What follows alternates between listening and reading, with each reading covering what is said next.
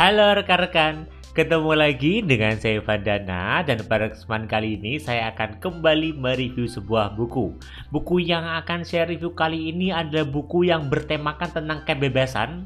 Jadi bagi rekan-rekan yang ingin hidup bebas, ingin merasakan dan ingin tahu teknik-tekniknya gimana hidup bebas, kayaknya perlu untuk menyimak review buku kali ini. Karena judulnya adalah berjudul Free atau Bebas, yang kalau kita lihat dari covernya itu membahas tentang bagaimana kita mencintai pekerjaan kita dan bagaimana kita mencintai kehidupan kita. Jadi keduanya ini bagaimana cara mencintainya bersama-sama.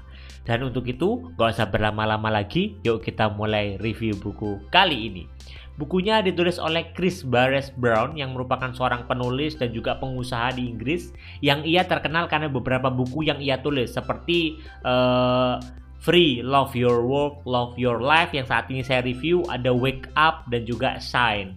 Dia merupakan penulis gitu ya yang bukunya itu bestseller, banyak buku-bukunya juga sudah diterjemahkan ke berbagai bahasa dan dia juga sudah diliput oleh media-media besar seperti BBC, The Guardian, The New York Times, Sunday Times dan juga berbagai publikasi-publikasi lainnya.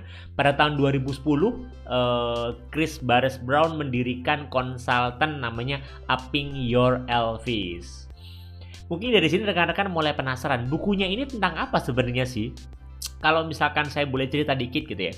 Pernah nggak sih rekan-rekan tuh merasa ketika bekerja itu ngerasa kayak uh, jiwanya itu beban penuh dengan beban berat mau bangun berangkat kerja setiap hari itu rasanya kayak ada tekanan under pressure gitu ya. Kayaknya kayak mau bangun mau kerja itu nggak nyaman. Dan akhirnya membuat kita itu hidup uh, kurang bergairah dan kurang bermakna.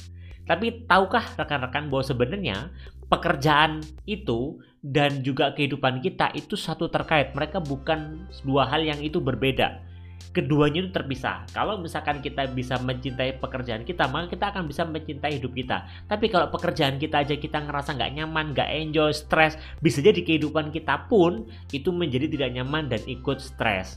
Maka ketika kita menginginkan hidup yang luar biasa, maka kita harus juga harus bisa membuat pekerjaan kita itu sama luar biasanya. Karena keseimbangan di antara keduanya itu itu dibutuhkan untuk kita menjalani hidup yang bebas dan berbahagia. Dan ini adalah buku yang membahas tentang semua hal tersebut. Gambaran isi bukunya secara umum buku ini terdiri dari empat hal. Yang pertama adalah melenturkan otot leher. Nah ini mungkin uh, gambaran uh, gambaran bahwa kita kadang ngerasa kaku lehernya karena kita terlalu serius hidup. Nah, di bagian pertama ini dibahas tentang gimana caranya melenturkan otot leher kita. Satu yang kedua kita belajar di bab tentang esensi yang sesungguhnya. Kita diajak untuk memahami esensi yang sesungguhnya. Di bagian ketiga adalah mencintai manusia purba dalam diri kita. Nah, kalau katanya dalam diri kita itu ada manusia purbanya dan yang keempat adalah bahas tentang jadilah. Untuk itu, yuk mari kita bahas satu persatu bagiannya. Nah, di bagian pertama buku ini tentang melenturkan otot leher. Jadi memang di dalam buku ini tuh harus membahas beberapa hal yang memang perlu untuk kita persiapkan, perlu kita lakukan untuk mulai mencintai pekerjaan yang kita miliki saat ini. Di dalamnya ada beberapa pembahasan yang penting dan kayaknya memang perlu disimak tentang bangga apa yang dimiliki saat ini, menikmati, enjoy apa yang dimiliki saat ini. Bahwa pekerjaan itu adalah pilihan kita sendiri jadi kadang kita kaku, kita ngerasa korban, mental kita korban, kita merasa bahwa pekerjaan ini nggak nyaman dan sebagainya. Padahal kan nggak ada yang memaksa kita bekerja di situ. Ketika kita bekerja di suatu tempat, itu adalah hasil dari pilihan kita. Karena kita ngelamar di sana, kita kemudian akhirnya berinterview di sana gitu akhirnya kita diterima dan akhirnya kita bekerja maka pros ini yang nggak boleh kita sesali gitu loh yang nggak ada yang memaksa kita semua itu adalah hasil dari keputusan kita nah ada juga pembahasan di buku ini tentang uh, sesuatu yang tidak disukai. Kita itu melakukan uh, sesuatu yang tidak kita sukai. Yang itu menjadi alasan dari buku ini. Seringkali itu kita melakukan sesuatu yang tidak kita sukai, tapi kita menganggap bahwa yaitu adalah nasib kita sehingga kita harus seperti ini. Padahal sebenarnya nggak ada yang memilih kita. Nah, ketika kita kemudian merasa mental kita korban, akhirnya hidup kita nggak nyaman dan dengan begitu ya kita nggak akan bisa bahagia.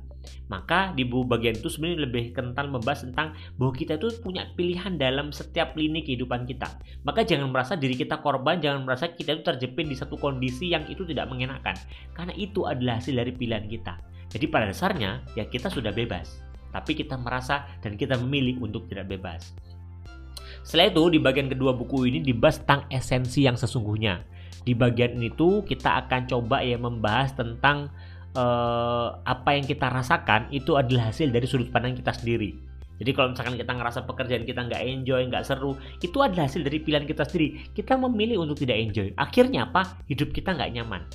Padahal ya kan nggak ada yang memaksa kita, nggak ada yang milih kita untuk bekerja di sana. Di bagian ini itu juga mau ngajak kita untuk memahami esensi dari hidup dan juga pekerjaan kita yang sesungguhnya. Yang di sini digambarkan konsep yin and yang.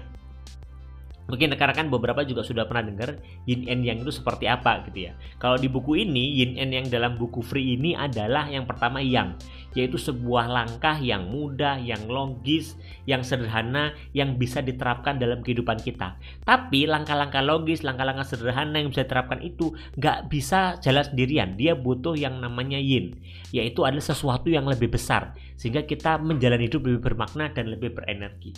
Maka keseimbangan di antara keduanya itu penting. Mungkin kadang kita memilih kehidupan pekerjaan yang nyaman yang bisa kita lakukan saat ini yang ada depan kita. Tapi apakah itu bermakna bagi kita? Apakah itu benar-benar membuat kita merasa bersemangat setiap harinya? Nah, ini yang perlu diseimbangkan. Kadang kita hanya berpikir ya udahlah yang penting pekerjaan itu depan saya ya udah saya ambil. Padahal nggak selalu bisa seperti itu. Kita perlu mempertimbangkan apa yang membuat kita itu merasa bermakna dan itu diseimbangkan dengan pekerjaan kita. Di bagian uh, ketiga buku ini tuh membahas tentang mencintai manusia purba dalam diri kita. Nah ini menarik juga sebenarnya karena seakan-akan di buku itu dalam diri kita itu ada manusia purba dan kenyataannya menurut buku ini memang seperti itu. Karena di bagian buku ini dibahas tentang otak purba, yaitu memang saat ini tuh di mana terjadi perkembangannya sedemikian cepat, teknologi yang sedemikian cepatnya, semua hal berubah dalam sekitar kita. Tapi menariknya adalah e, pikiran kita itu masih sama dengan masa lalu. Jadi nggak banyak yang berubah dalam pemikiran kita. Yang di istilah sini adalah disebutnya akhirnya otak purba, otak yang primitif. Nah, kok bisa disebutnya otak purba atau primitif sebenarnya? Nah, kenapa dinamakan otak purba? Karena otak purba ini eh, dinamakan otak purba karena cocok untuk aktivitas kita zaman dulu memindai makanan, mencari makanan, habis itu melawan musuh gitu ya, dan cenderung untuk bertahan hidup. Otak purba itu fungsi seperti itu untuk bertahan hidup. Maka kita akan sangat berhati-hati tuh otak purba. Melihat ketika dari tempat baru dia melihat ada keancaman, adakah makanan dan sebagainya. Nah, maka korelasinya apa sih dengan kehidupan kita saat ini? Nah, tanpa kita sadari saat ini hidup kita itu bisa jadi bekerja dengan mekanisme otak purba, yaitu apa? Kita selalu melihat sisi buruk yang akan terjadi. Kenapa? Karena kita mencoba bertahan hidup. Jadi ketika kita melakukan sesuatu, kita berpikir negatifnya dulu. Kita berpikir, oh itu ada sesuatu, hati-hati, bahaya, dan sebagainya gitu. Sehingga akhirnya itu membuat kita nggak bisa berpikir bebas. Kita ngerasa terkungkung. Kenapa? Karena kita selalu melihat, ini kalau saya di sini ada ancaman apa? Kalau saya ngeliat sini resiko buruknya apa? Kemungkinan terburuknya apa? Selalu melihat kemungkinan terburuk karena mekanisme otak purba untuk mempertahankan diri. Maka ini yang perlu dihati-hati. Loh kenapa sih kok kita perlu berhati-hati? Ya karena otak purba itu cenderung berpikirnya reaktif. Dia merespon segala sesuatu yang ada di sekitar kita. Begitu ada apa langsung direspon, begitu apa langsung direspon. Karena dia harus merespon dengan cepat. Ya tadi itu karena naluriah bertahan hidupnya sangat tinggi. Maka bagaimana kalau misalkan dihubungkan dengan pekerjaan kita ya tadi itu, kita kan jadi terlalu berhati-hati. Naluri bertahan hidup kita membuat kita berpikir negatifnya. Maka suatu stimulus yang datang dalam diri kita gitu ya, suatu hal yang kita alami itu kita selalu berpikir sisi buruknya itu yang akhirnya membuat kita nggak bebas lah kan kita berpikirnya e, ada sesuatu nih ada sesuatu nih. Kita berpikirnya reaktif gitu ya. Kita melihat sekitar dan berhati-hati. Ya akhirnya itu membuat hidup kita nggak bebas. Maka kita harus merubah cara pandang kita. Caranya gimana? Dibahas di bagian 4 di bagian keempat ini dibahas tentang jadilah. Jadi pentingnya intuisi. Mungkin kita sering kali dikendalikan oleh otak purba karena kenyataannya seperti itu gitu loh. Dan itu berbahaya sebenarnya. Lantas apa sih yang kemudian perlu kita lakukan, maka kita perlu melatih yang namanya intuisi kita. Jadi nggak cuma bergerak itu merespon segala sesuatu, segala kondisi, segala situasi. Tapi kita coba untuk ketika sesuatu terjadi yang harus segera kita putuskan, maka kita berpikir lebih dalam. Kita mencoba untuk mendengarkan isi hati kita, mendengarkan pikiran kita, mengenali diri kita lebih dalam. Sehingga akhirnya kita nggak merespon segala sesuatu itu istilahnya gerusa-gerusu. Merespon segala sesuatu itu dengan pertimbangan, yaitu kita mengambil jeda. Maka jadilah pribadi yang melatih diri kita. Dengan apa? Dengan intuisi kita. Jadi ketika ada sesuatu dalam diri kita gitu ya, coba untuk luangkan waktu untuk kita merenung sejenak memikirkan apakah ini itu Seberapa penting ini bagi saya? Seberapa bermakna ini bagi saya? Seberapa bermakna pekerjaan ini bagi saya? Nah, kemudian kita refleksi, seberapa banyak sih keputusan dalam kehidupan kita sehari-hari yang itu berdasarkan logika atau akal atau yang berdasarkan emosional. Nah, ini yang perlu dijaga komposisinya. Di bagian ini juga, di bagian jadilah ini juga dibahas tentang hidup yang nggak pernah indah dan nggak pernah selalu mulus. Tapi itu yang sebenarnya selalu menarik. Maka Jadilah pribadi yang merangkul kehidupan itu dengan tidak terhukum tapi jadilah pribadi yang bebas.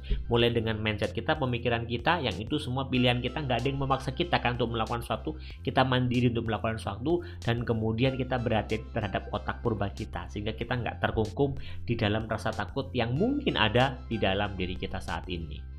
Kesimpulannya adalah rekan-rekan, nggak uh, ada sih sebenarnya orang yang mengharuskan kita untuk mengambil keputusan dalam kehidupan kita. Kitalah yang memilih itu semua. Semua pilihan itu ada di tangan kita sendiri dan kita yang bertanggung jawab atas konsekuensinya. Kita selalu punya pilihan, selalu punya eh, opsi-opsi uh, yang bisa kita pilih tentang cara kita menjalani kehidupan kita kita mau melakukan hal yang biasa atau kita mau melakukan hal-hal yang luar biasa. Kita mau menikmati pekerjaan kita atau kita mau nggak nyaman terhadap pekerjaan kita. Semua itu itu ada dalam kendali kita dan itu kesadaran inilah yang akan membuat kita hidup lebih bebas. Jadi bagi rekan-rekan yang ingin merenung gitu ya tentang pekerjaan saya itu sudah seberapa pasti buat diri saya, sudah seberapa bahagiakah hidup saya, bagaimana menyeimbangkan antara pekerjaan dengan kehidupan, silahkan baca buku ini. Bukunya ada di toko-toko buku online terdekat, silahkan dicari di searching. Mungkin itu yang bisa saya review pada kesempatan kali ini.